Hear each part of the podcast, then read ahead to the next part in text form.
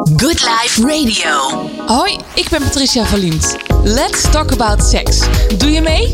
Let's talk about sex. Over seks en gender. Misschien net een beetje anders. Elke eerste donderdag van de maand. S'avonds tussen 8 en 9 uur.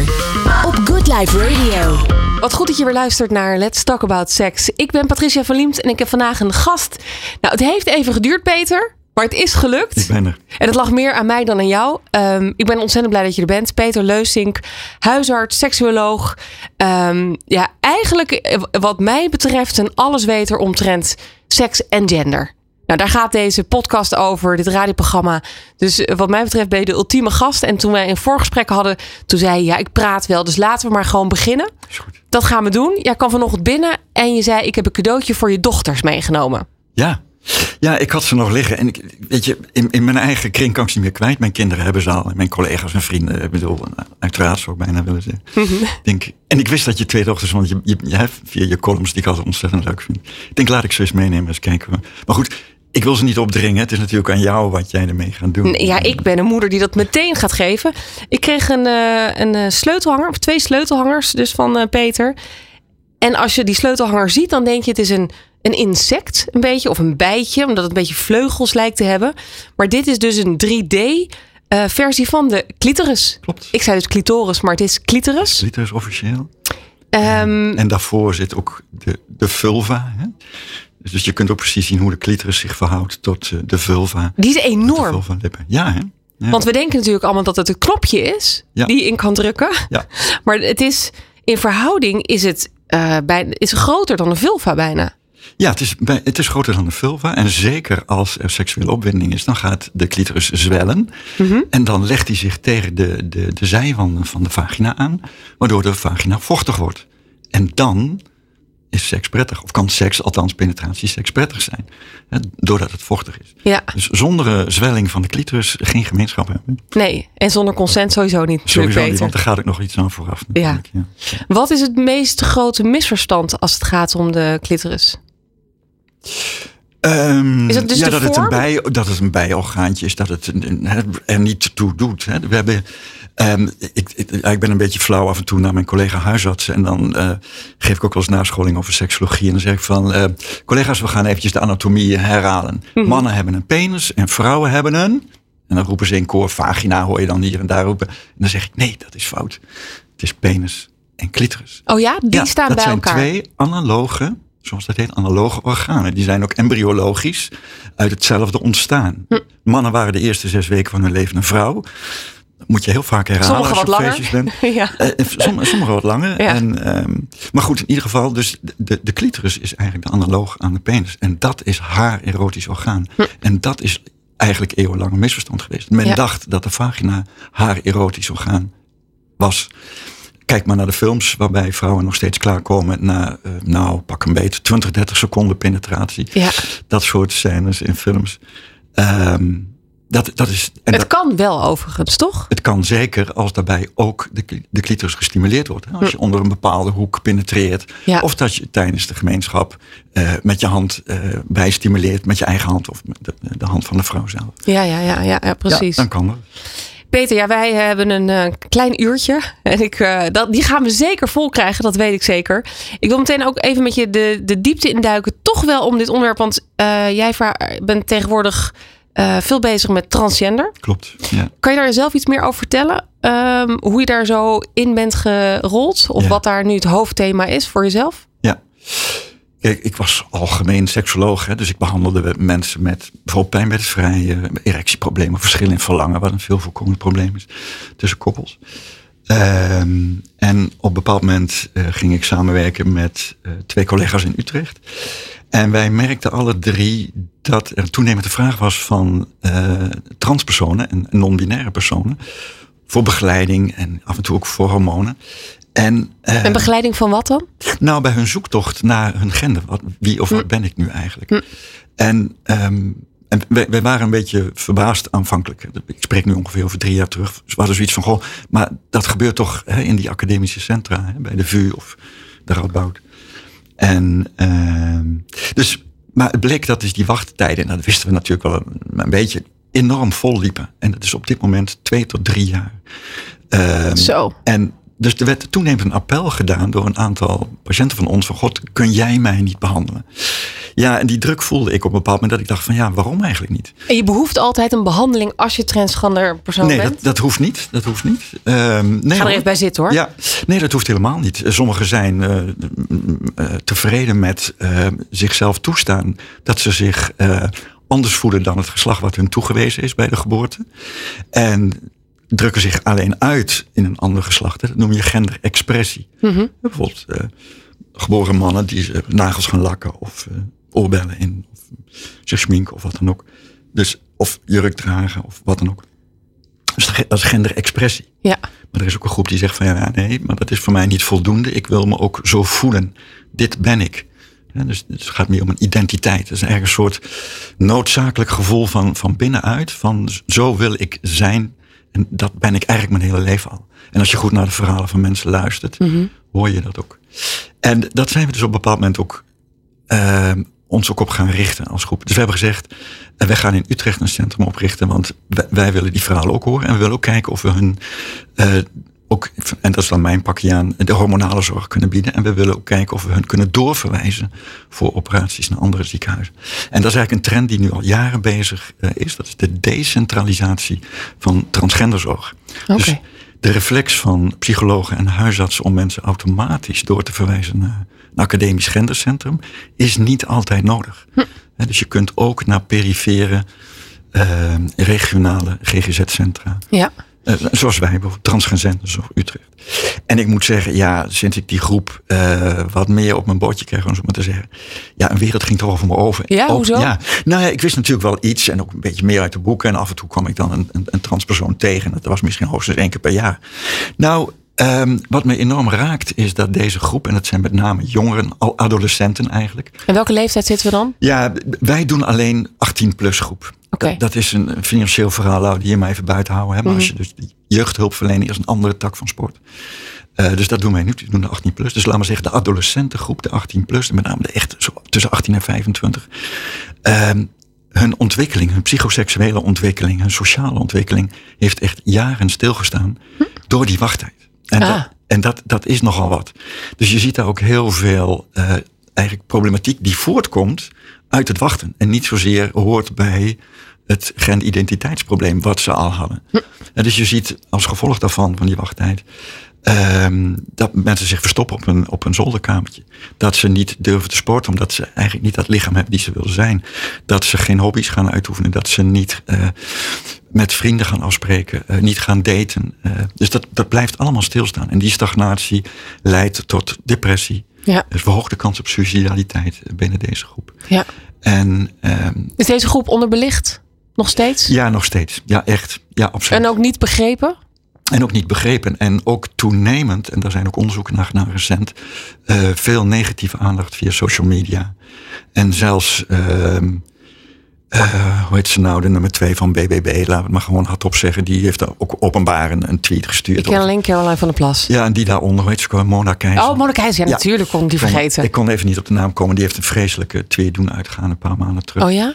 Ja, zo van. gezegd? Nou ja, over dus de, de Miss, eh, eh, de Miss Nederland was dan. Oh, ja. Trans, hoe heet ze? Ik ben, eh, Ja, hoe heet ze nou? God, Rienke, Hauke, iets. Ja, wat Koller, erg. Rinke Koller of zo. Kan- Zoiets, Riki, ja. Riki Koller. Riki ja. Prachtig. Eh, hier is weer een voorbeeld van de woke gender-ideologie, waarbij iemand denkt dat hij zo'n zo, zo, zo, zo'n tweet. En, eh, en dit is een verlies voor vrouwen. Zo eindigt ze de tweet.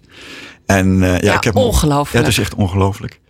En ehm, Maar hier zit ook meteen een beetje de crux, Peter. Want Ja. ik, als ik daarover praat hè, met moeders, ik heb dan twee dochters, en hoor ik mensen uit de klas dan bijvoorbeeld praten. Ja, volgens mij heb je 73 genders tegenwoordig waar je Ja. kan kiezen. Ja, je kan tegenwoordig overal voor kiezen. En kinderen gaan juist twijfelen aan zichzelf. Ik Nee, denk altijd, nee. het is toch fantastisch dat we, dat we van alles kunnen zijn en mogen en kunnen en doen. Precies. Laten we de variatie vieren, de diversiteit vieren. Maar die diversiteit komt van binnenuit. Maar zij zeggen dus van Dat ja, maar nu dwing je het. Je Nee, dwingt je kind nu te denken, oh ben ik wel wie ik ben. Maar ik zeg dat gebeurt toch bij elk kind? Elke puber twijfelt überhaupt over de identiteit, want dat is de puberteit. Hè? Dus Ja. tussen je twaalfde en de achttiende ben je zoekende. En is het een onzekere wereld? Dan hebben we gelukkig ouders waar je af en toe veilig bij kunt uithuilen en, en, en mee kunt praten. En heb je je vrienden en, en leer je stevigheid op te bouwen. Maar we zijn allemaal onzeker. Eh, of je homo bent of lesbisch, of dat je man bent of vrouw, of een beetje verwijfd of eh, stoer, of nou, noem maar op. Mogen we dat nog zeggen, verwijfd? Eh, ja, ik mag dat Oké, zeggen. jij wel, Peter. Goed. Hè, dus, weet je, dat maakt niet uit. Nee, maar Ja. zo, dat, dat is hoe jongeren met elkaar praten. En dat zijn de gedachten die jongeren hebben. En dat mag. Maar snap je, wat moet ik dan zeggen tegen deze ouders? Ik zeg dan, ja, maar het is prima. Laat ze lekker dat uitzoeken. Ja, maar zij zeggen, ja, maar door al die hokjes maken we onze kinderen juist meer in de war. Dat krijg ik vaak als repliek. Nee, ehm, je maakt ze in de war doordat je ze iets afneemt. Dus als je hun die zoektocht afneemt, dan neem je juist de jongeren die wel neigen naar een andere gender, die ontneem je iets. Mhm. Maar dan zeggen En ze, dat- ja, maar dat is maar 4%. Dat is dan jammer. Die moeten zich aanpassen. Nee, die moeten zich niet aanpassen. Want, daar, want die groep, die raakt verstrikt. En die, en die verhalen horen wij nu met terugwerkende kracht. Want ze zijn afgewezen thuis. En niet hebben mogen zijn die ze willen zijn. Ja. De jongeren die ehm, als man zijn geboren en uiteindelijk ook man blijven. Dat deert het niet. Die lopen geen schade op. Als ze toevallig in de klas een les krijgen over andere genders. Of als een vriendje eens een keer in de jurk loopt. Snap je, die lopen geen schade op. Er zit geen schade voor kinderen om eens een keer te Nee. zoeken. Oh, een keer dat pad. Ik, het leek mij heerlijk. Ja, Vroeger, ik heb vroeger een keer met een meisje gezoend. Toen ik 15 was. Nou, ik ben daar denk ik een jaar van van slag geweest. Ja. Want dat hoorde niet. Want ik dacht, denk ik, ja, nu ben ik lesbisch dus. ja, ja precies. Ja. En dat was echt zo. En ik had gedacht, als er toen al die hokjes waren geweest, dan had ik ze even af kunnen gaan. Ja, precies. En dan had ik waarschijnlijk weer thuis gekomen bij mezelf, wie ik ben.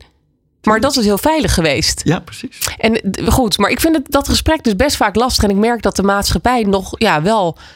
Weerstand vind ik een groot woord, maar dat ze de scharen onder. Ja, maar het zijn zo weinig mensen die last van hebben. Er moeten zoveel mensen zich aanpassen. Nee, die mensen moeten zich niet aan. Dat, dat is dus het grote misverstand, dat er iets aangepast moet worden. Je kunt wel respect tonen voor andere mensen. Dat vind ik wat anders. Hè? Dus als iemand aan je vraagt, ik heb graag dat je mij eh, aanspreekt met die of diens, of met zij en haar, terwijl je aan de buitenkant ziet dat het mogelijk een, een man is of een jongen, dan toon je respect. Ja. Hè? Dus ik spreek je ook niet aan met Marieke. Nee, Jij bent Patricia, je hebt je net voorgesteld. ja. Oh, shit. Dus- ik breek de clitoris af Oh mijn jee. hand. Oh, Ik zit ermee te spelen. Wat heb ik afgebroken, Peter? ja, je hebt, je hebt een, een been van de clitoris. Een been van de Ja, clitoris. ja, ja. Ach ja, jeetje. Ik moet hem uit mijn hand halen. Ja, nou, Eh. ik ga je een nieuwe opsturen. Heel goed, oké. Ehm, Nee, we hadden het over. De, dus, ehm, dus niemand hoeft zich aan te passen. Waar het om gaat is dat je respect toont met de persoon die tegen je zegt: Ik heb liever dat je me eh, met een bepaald voornaamwoord gebruikt. Of dat je me op die manier bejegent. ja. Ehm, en het grappige is, jongeren die kunnen daar heel goed mee omgaan. Ik, Ja. heb, ik heb verschillende mensen gehoord eh, die zeggen van, ik heb het in de klas verteld. En dat de, de klasgenoten die denken, oh, oké, check.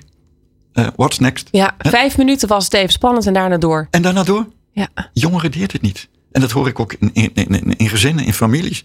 De, de, de kinderen of de, de, de neefjes en nichtjes deert het niet. Nee, en Dat zijn er, zijn er veel oudere mensen die je tegenkomt, echt boven de 60, 70, die nog een geslachtsoperatie Ja. ook willen doen? Ja, dat, dat heeft mij zelf ook ontroerd een half jaar terug. Ja, mijn oudste eh, patiënt, om het zo maar te zeggen. Ja, Voor hormonen kwam, die was 72. 72 Ja. zo, oh ja. En die heeft het altijd eh, in eigen kring, eh, zijn partner wist het, cisvrouw. En, ehm, en, en ja, deed af en toe een travestie. Maar onder die travestie zat eigenlijk een innerlijk verlangen verborgen. Ehm, en eh, zij, want ze wilde uiteindelijk met zij aangesproken worden. Maar goed, als geboren man wilde uiteindelijk borsten. En nou, we hebben een gesprk gehad. En ik heb alleen de vrouwelijke hormonen gegeven. We hebben niet aan testosteronremming gedaan. Want hij was wat ouder, hij zat al wat laag. En na een half jaar eh oestrogeen, hè, dus het vrouwelijke hormoon, om het zo maar eens te zeggen. ehm, kreeg ik een mailtje van, eh, nou Peter, dankjewel. Ik heb gisteravond een potje met mijn vrouw zitten janken. Ik heb zulke mooie borsten. Ja, Ja. ja. En, dat, en dat vond ik ook heel ontroerend. Dus En de- die borsten blij. zijn dus gegroeid door de oestrogeen zelf. zijn gegroeid door oestrogeen zelf. Oh, dus geen operatie komt Nee, er dan aan hoeft te pas. helemaal niet. Nee. Oh, wauw. Ja. Ja, dus dat is dan heel ontroerend. Ja, e- enorm. En daar blijft het dan ook bij voor zo'n persoon? Voor deze persoon wel. En dat is ook verrassend. Dat vond ik ook verrassend in, in mijn ontdekking de afgelopen jaren.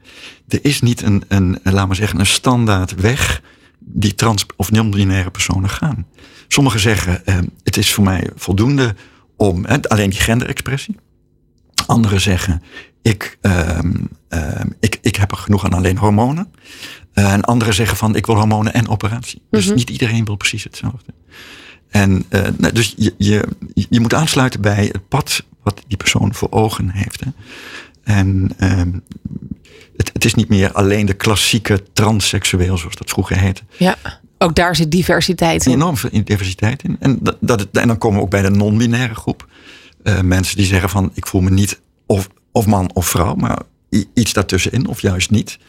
Ehm, vond ik zelf een hele lastige slag, ook voor mezelf. Ja, hoezo? Nou, het, het is niet zo invoelbaar. Ik, ik kan niet invoelen wat het niet hebben van een geslacht is. Ehm, ik, kan, Nee. dus ik heb en mannen en vrouwen in mijn omgeving. Eh, en, en één transneef. Ja. en, en, en dat wel. En, dus ik, en, en, wat, en die noemt zich dan ook man. Dus dat, dat is dan weer invoelbaar. Dus in, in mijn brein zit nog dat hele binaire. Het non-binair, ik, ik snap het nu en ik, heb, ik, ik kan dan ook mee dealen eh, naar mensen.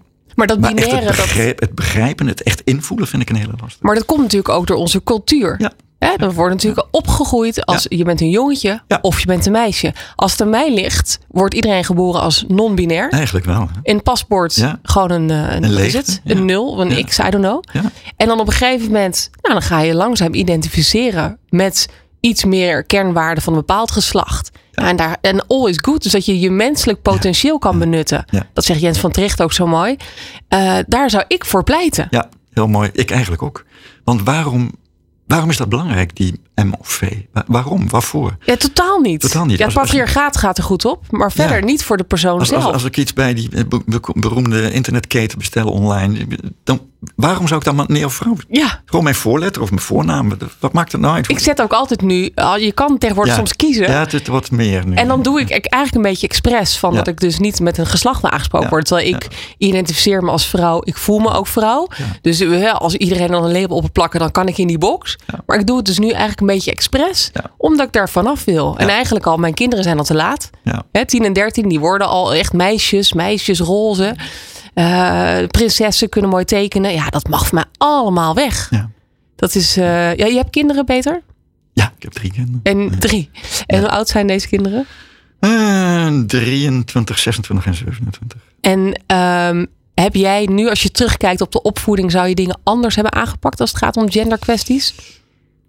Ehm, oh, ehm, nou, ja, ja, gender kwam bij ons inderdaad niet zo expliciet naar voren. Ook destijds in de klas niet. Ik zou nu, nu denk ik eerder daarin meenemen. In het, Wel, in het gesprek, In het, gesprek, in het verhaal. Bij homoseksualiteit was dat al wel, maar goed, dat ging ook automatisch. Hè. Ja, want hun een- vader is seksuoloog. de vader was seksoloog, dat vonden ze niet altijd leuk. Snap Want, ik. eh, op het schoolplein zeiden ze van je vader stond in de krant of die was op televisie. En dan nou ja, Ja, kregen ze dan weer vragen. Dat was niet altijd eh, leuk. Nu zijn ze trots hoor. ja mooi. Ja, ja. Heeft een van de kinderen het eh, geërfd? Het gen? Om daar iets mee te willen nee, doen? de twee hebben de psychologie gedaan en eentje Oh, dat wel. Ja, dat wel. En eentje gaat door ook in de hulpverlening, dus wie weet. Ja. Ehm, maar nog over die vraag die voor ligt. Nee, dus dat, ja, dat vind ik eigenlijk een mooie vraag. Ja, ja, misschien nu wel. Kijk, bijvoorbeeld homoseksualiteit werd, werd, werd wel geïntegreerd, laten we zeggen. In, in, Als in- nog In, een gesprek als normaal. Ja, Ja. ja. zeker ook. Ja. En, eh, ook dat gescheld op het schoolplein, eh, homo's en zo, dat, dat, dat ging al meteen bij ons eh, uit. Toen waren ze, zaten ze nog maar in groep, groep twee of drie, geloof ik. Ehm, dus dat zou denk ik nu ook gebeuren als, als het over, over, over gender zou gaan. Ja, ja, het normaliseren. Maar hoe normaliseer je het gesprek? Nou ja, dat er meer eh, smaken zijn. Ehm, dat kan via, via voorlichtingsboekjes, eh, verhaaltjes, eh, sprookjes. Ehm, er zijn nu ook uh, genderspecifieke verha- verhaaltjes, hè, eh, sprookjes. Ja, Disney die komt ook wel met prinsessen die anders. Ja, die anders zijn. En, eh, Maar die, die prinsessen staan dan weer hun mannetje. Daar heb ik dan ook weer wat kritiek op. oh ja, ja, Denk wat ja, hoezo moet je dan weer je mannetje staan? Ja, precies, Weet je dan alsof weer- dat weer beter en stoerder is. Maar goed, ze zijn eh, bewust ervan. Nou, dat is wel grappig dat je dit zegt. Want kijk, eh, ondanks ehm, het feit dat we nu. Eh, zeggen we, we, we, we gaan mensen non-binair of uh, non-binair masculin, non-binair feminin. We blijven het erin houden. Dus wat ik eigenlijk een veel essentiële discussie vind, los van gender, is over uh, het construct gender als sociaal construct. Dus Mhm. mannelijkheid en vrouwelijkheid. Ja. En dat is nog weer een andere discussie. Dan gaat het even van de personen af. En die vind ik eigenlijk nog interessanter. Uh, ik, ik, gender ook hoor. En, en, en ik, ik, ik kom graag tegemoet aan, aan, aan de, de hulpvragen van transgender en non-binaire personen. Dat is een groot deel van mijn werk momenteel. En daar zie ik ook mensen gelukkig worden. Um, maar de laatste tijd heb ik met name met non-binaire personen ook gesprekken over mannelijkheid en vrouwelijkheid. Hm. Dus eigenlijk de, de noodzaak überhaupt om waarom zou je. Hoe gaan die gesprekken dan? Waar heb je het dan over? Nou, waar het met name om gaat, is um, dat, dat, dat is de laatste jaren in dat aan mij het vraag wordt gedaan: heb je niet een microdosering testosteron? Dus een geboren vrouw, non-binair. En um, hen wil dan een snufje testosteron om daarmee iets die vrouwelijkheid te drukken en daarmee iets mannelijkheid te krijgen. Mm -hmm. Een klein snorretje bijvoorbeeld, of een iets lagere stem.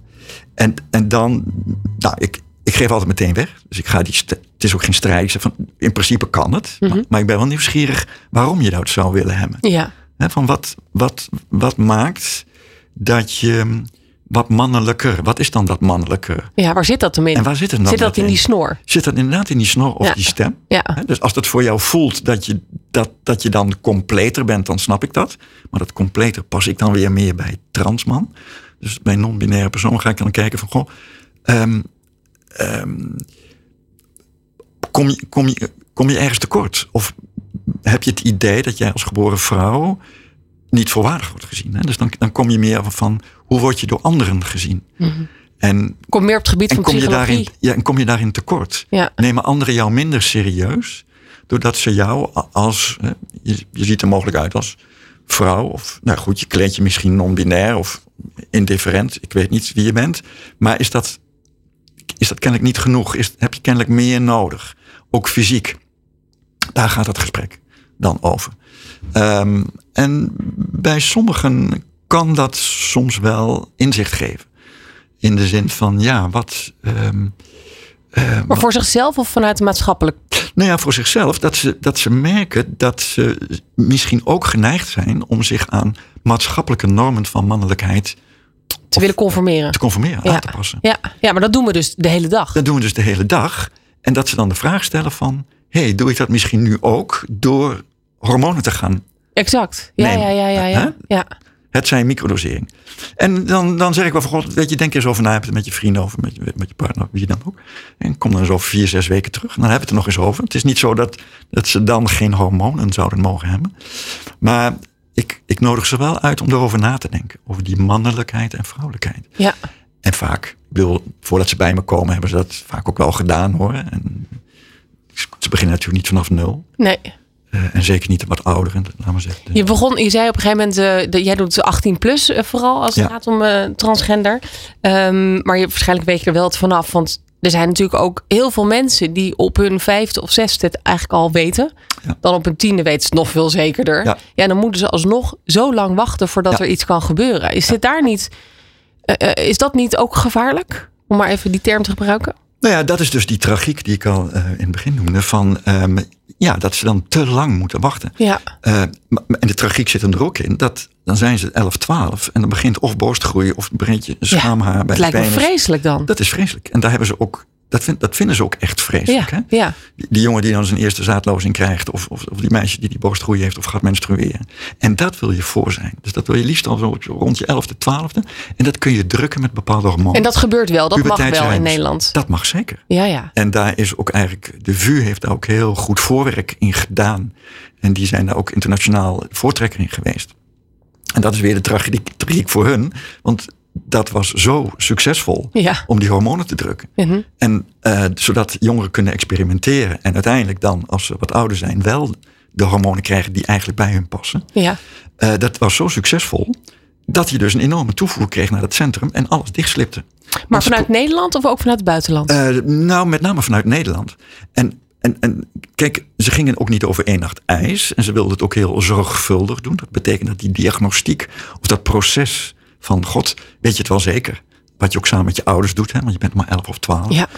Ehm, dat, dat, dat dat die diagnostische fase, zoals dat heet, ehm, uiteindelijk misschien te lang duurt. En da, daar zijn nu ook de gesprekken ook uh, met verschillende partijen, ook in Nederland. Van moeten we dat niet anders gaan inrichten? Kan die, kan die fase niet iets korter? Moeten we die triage, zoals dat heet, dus het besluit nemen over of je moet gaan behandelen en welke behandeling dan doen, kan dat niet wat korter? Ja, en zijn toch ook gewoon keiharde cijfers? Dat ja. lijkt dat uh, 0,001% van de mensen die een operatie hebben ondergaan spijt hebben, bijvoorbeeld. Ja, dat is echt een heel klein gedaan. Iets groter dan wat jij zegt. Okay. Iets wishful thinking, maar okay. dat zijn ongeveer gemiddeld vijf op de duizend. Vijf op de duizend die later duizend denken. Later spijt krijgen van chirurgie. Mm -hmm. En van de jongeren die beginnen met hormonen, zo rond 11, 12, met die puberteitsremmers. Dan gaat 98% uiteindelijk ook door met de hormonen die, ze, die bij hun passen. Ja. Dus maar 2% die uiteindelijk afhaken. Ja. En al die jongeren op het schoolplein van 6, 7, 8, waarvan ouders bang zijn van oh jee, die worden besmet. Dat is de grootste groep die uiteindelijk gewoon weer eigenlijk op hun eigen pad uitkomen. Ja, exact. Ja. En, uh, en wat zegt dat, Peter? Dat, dat je, het te lang duurt dus. Dat het te lang duurt. Ja. En het zegt tevens dat jongeren echt wel weten wat ze willen. Dus geloof ze op hun woord. Mooi, mooi gezegd. Ja.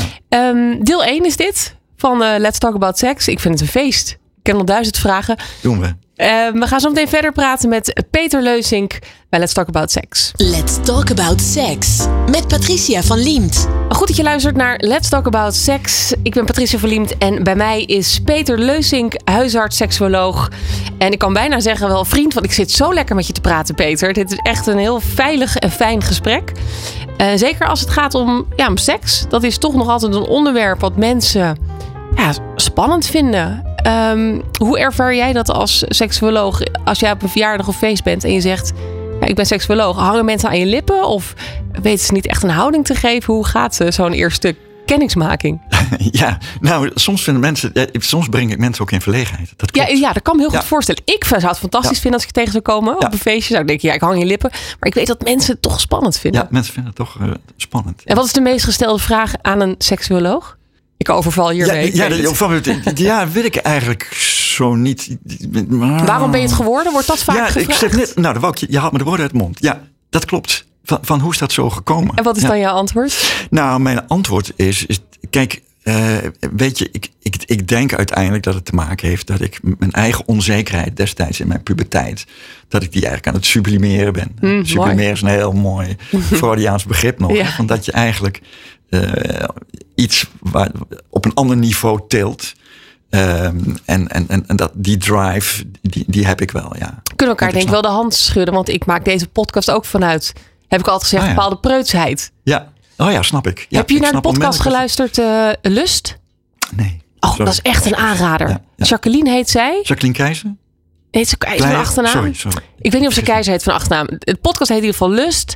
Uh, ze staat ook op de nominatie voor de Dutch Podcast Award. Ik ga gewoon even sorry, reclame voor. Ik ken haar niet, Nee. maar ik ben enorm fan. Zij vertelt dus over haar ja, seksuele bevrijding als uh, vrouw van 47. Dat ze met jongere mannen nu date. En hoe dat komt. Ja. En met familieopstelling, et cetera. Ja. Dus ook terug naar vroeger. Ja. Ja, hoe dat zat. En dan ja, thuiskomen ook wel. Ja, nee, dat, dat, dat, thuis heeft alles te maken met seksualiteit. En dus je krijgt altijd eh, boodschappen mee. Hè? Ook, ook non-verbale boodschappen, die heb ik met name ehm, meegekregen. En wat bedoel je daar dan mee? Kan je dat duiden? Ja, ik kan er wel duiden. ehm, dat, dat kan ik ook nu al vertellen. Nou, ik weet altijd wel, als mijn, mijn vader mijn moeder benaderde, even een knuffel, weerde mijn moeder altijd af. Altijd die handen af en weg, weg, wegdraaien. En dat, dat zijn zo twee, drie dingen. Niet, mijn, vader was, was een hele zachtaardige man. Die, die was niet opdringerig, maar gewoon even. En mijn moeder weerde dat af. En, heb je ehm, nog wel eens gesproken met je ouders nee, daarover? Ik heb dat, nee, want die veiligheid die voelde ik thuis niet. Maar andere generatie Het is echt natuurlijk. een andere generatie. Ehm, dus dat, En wat denk je dat de achterliggende gedachte ervan was? Dus natuurlijk aannames wat je doet, maar Nou, ik denk dat mijn moeder seksualiteit niet, eh, niet prettig heeft gevonden. Nooit heeft geleerd dat dat fijn is. nee. Dus ehm, niet in, dat was de generatie die, die werd opgevoed. Seks is, is voortplanting. En eh, seks krijg je niet eh, via stimuleren van, van een clitoris.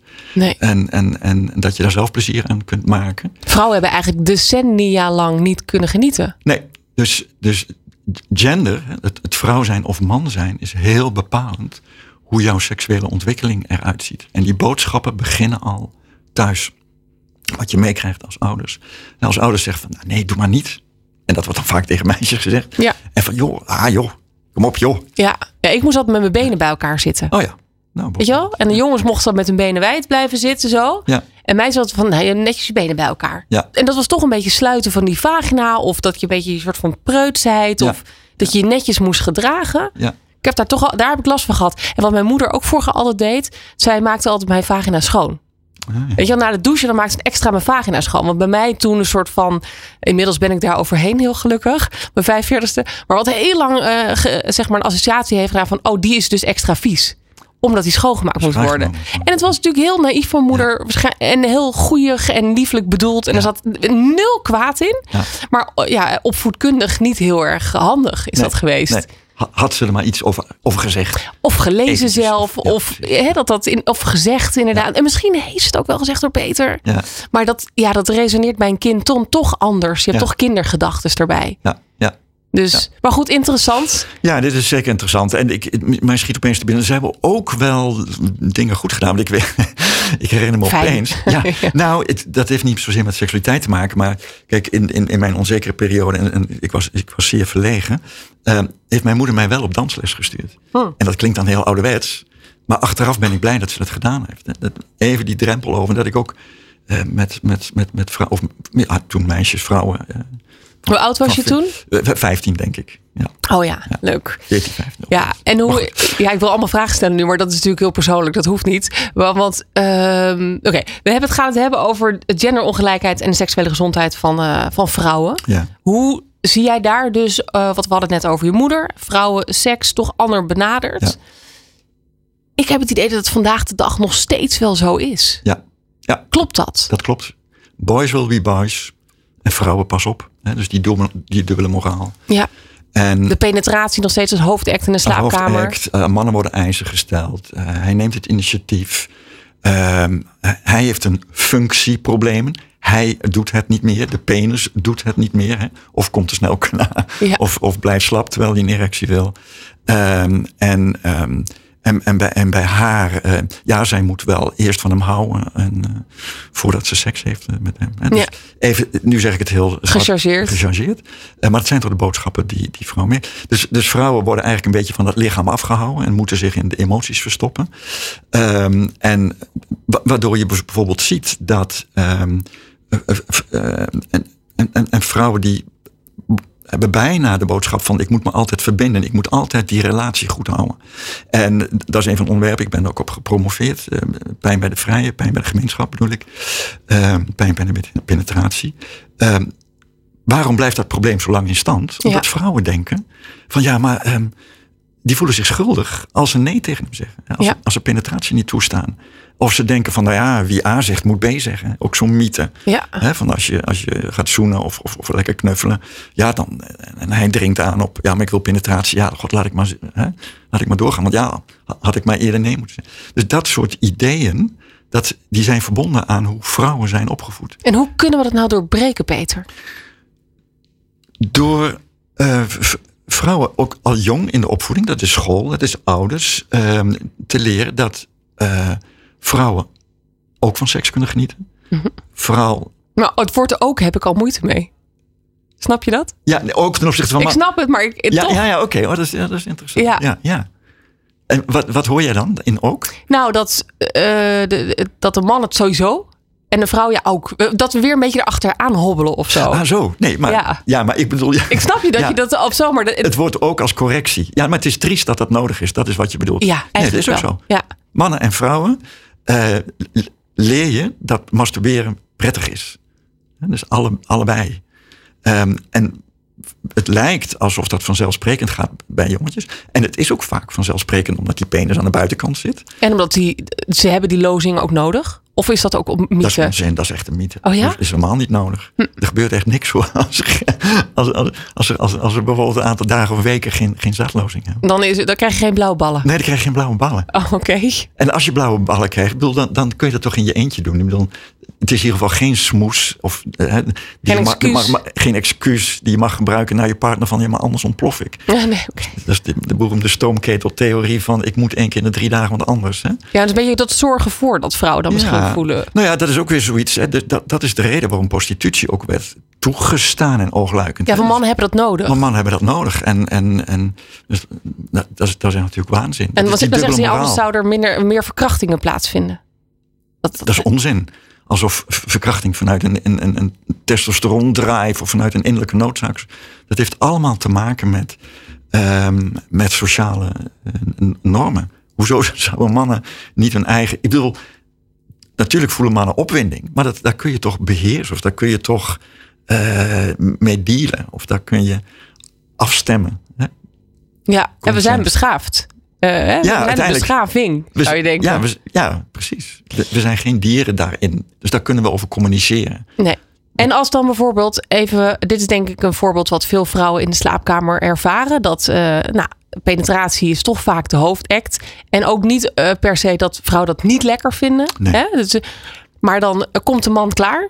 En dan is zij dus toch nog niet klaargekomen. Want Ja. het daaromheen is nog te weinig gebeurd. Of hè, er is te veel eh, geld ingezet op die hoofdact. Ja. Dan het gesprek aangaan.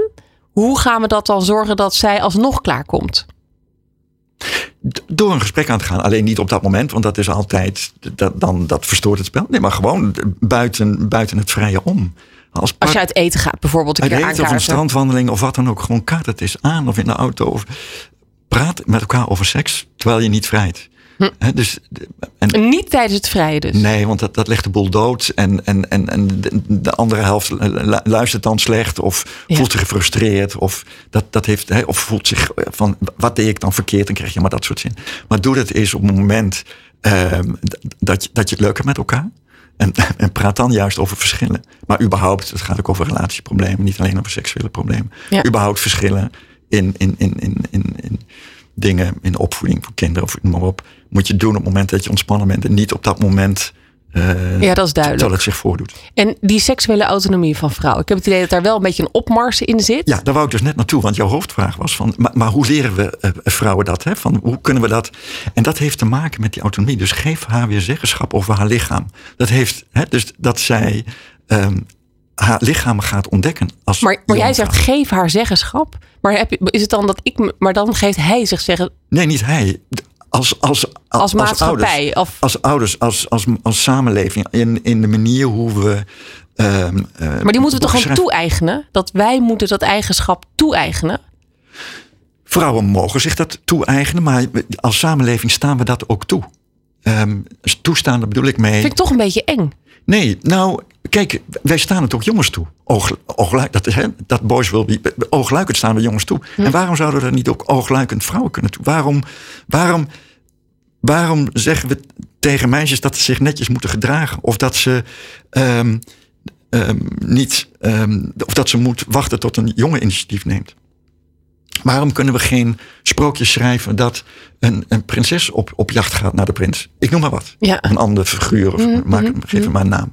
Dus het gaat in dat je. ehm, Ja, toch die gender eraf halen een beetje. Of in ieder geval wat wij Ja. aan die gender eh, eh, voegen. Toch? Ja. De stereotypen. de stereotype ehm, verhouding tussen man en vrouw soms omdraaien. En, en snap je? En, en dat bedoel ik met ehm, toestaan. Of dat dat, ehm, dat het gemeengoed wordt. Dat het ook anders kan. Dat je daar voorbeelden van laat zien.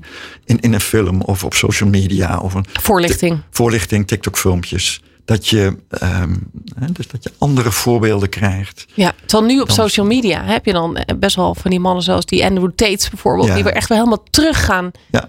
In de tijd. Ja. En nog erger wellicht. Die dus zeggen, ja, maar wij moeten onze mannelijkheid behouden. En ik vind die- het een goed teken.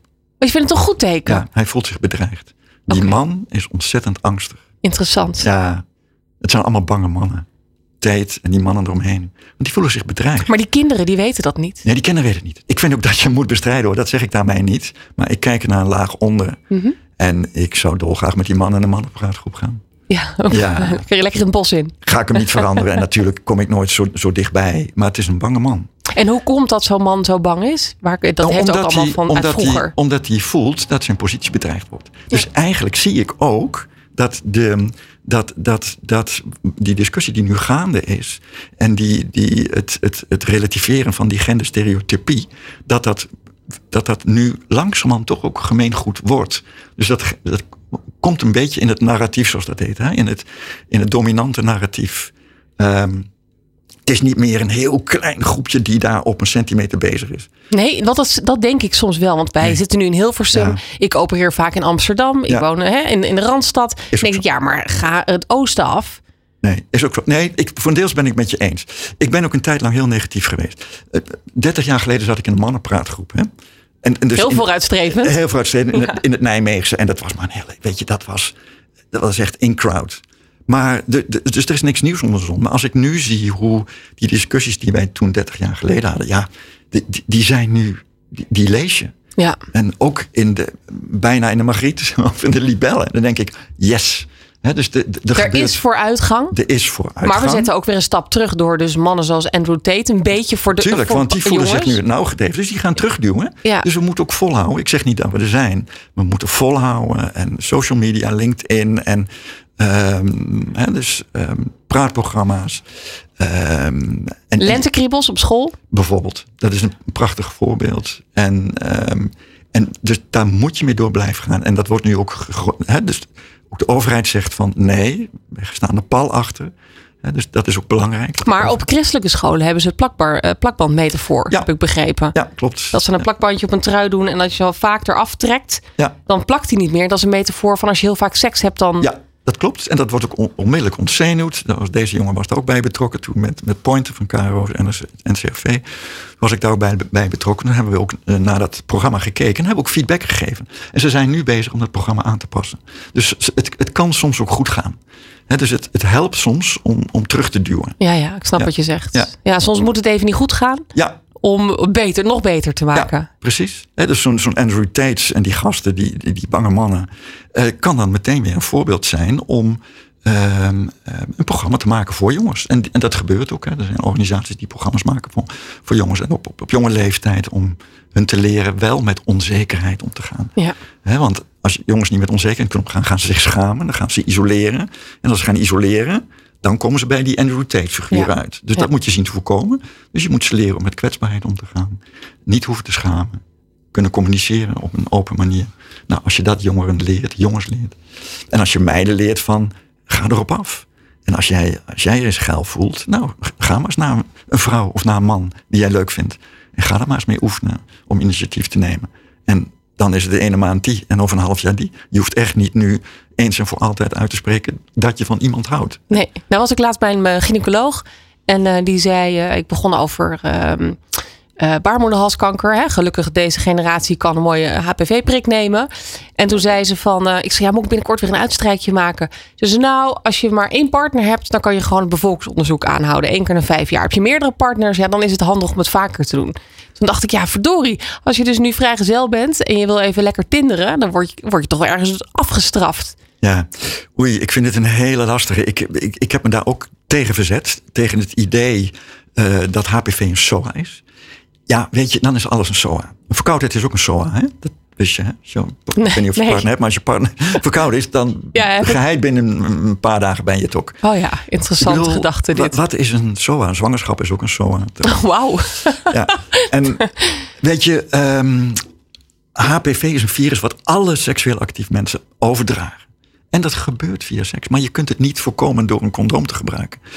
Ik, ik Nee, heb- het is hand, haar en huid, is het. ja, kan ik ook. begrepen. Ja, dat kan ook. Hè? Als je dus ook al penetreer je niet met een penis. Als je met de penis nog voor de vulva blijft of voor de vagina blijft, kan het al. Ja. Of door vingeren kan het zelfs ook. Eh, het moet wel intensief, maar goed, doet er niet toe. Maar het is gewoon dat bij vrijen dat dat virus wordt overgedragen. En daar moeten we niet al te spastisch over doen. Maar als je het als SOA benoemt, dan wordt het wel heel... ehm, er zijn, ik heb een vrouw op een spreekuur gehad, ik, dat is al bij lang geleden. En die kwamen uit de Bijbelbelt. En die werden afgestraft door die partner. Mhm. Want die zei van, je bent vreemd gegaan. Want je hebt cervixkanker, baarmoederhalskanker. Oh. En dat is natuurlijk triest. Je hebt baarmoederhalskanker en dan word je afgestraft door je partner. En die zegt dan van, zie je wel, je bent vreemd gegaan. Ja. Want wij waren toch alleen met elkaar getrouwd? Ja. Ja, maakt niet uit. Maar leg dat eens uit dan, Peter. Nou, iedereen heeft dat virus bij zich. ja, je draagt het sowieso bij, Sowieso alleen het moet je bij het.